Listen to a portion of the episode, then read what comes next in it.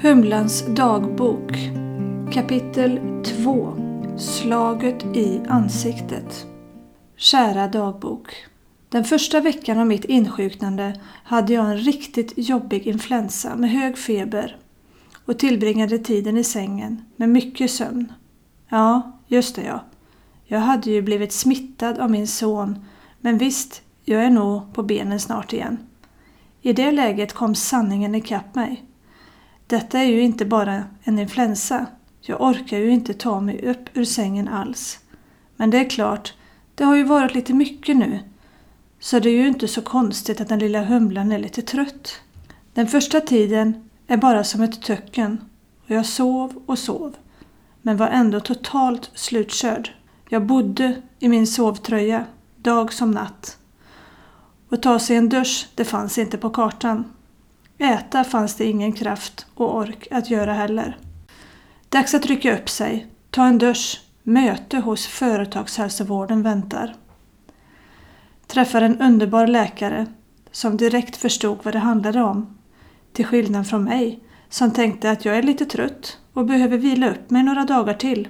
Hon kallade det visst för utmattningssyndrom, min trötthet. Vad det nu skulle innebära. Dagen efter hade jag fått tid hos en psykolog. Inget som jag har några tidigare erfarenheter av.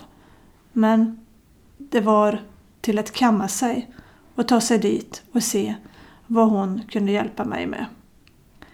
Jag berättade för henne att jag är så otroligt trött och att jag inte har någon ork alls.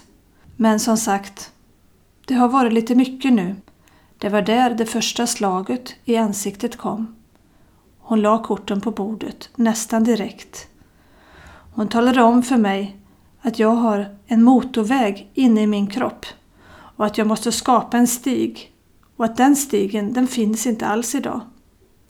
Det kommer ta tid och att jag måste träna på att inte göra något alls.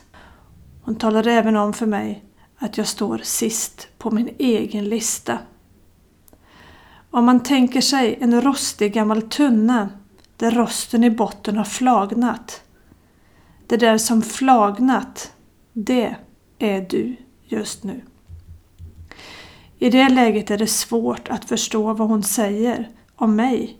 Men visst, allt som hon sa, det stämmer ju. Hem och vila, ta skogspromenader och träna på att inte göra något alls. Yeah right, hur ska detta gå?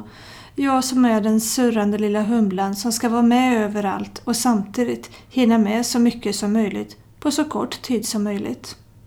Nu är det dags att bli snäll mot sig själv och det är dags att säga tillräckligt är tillräckligt.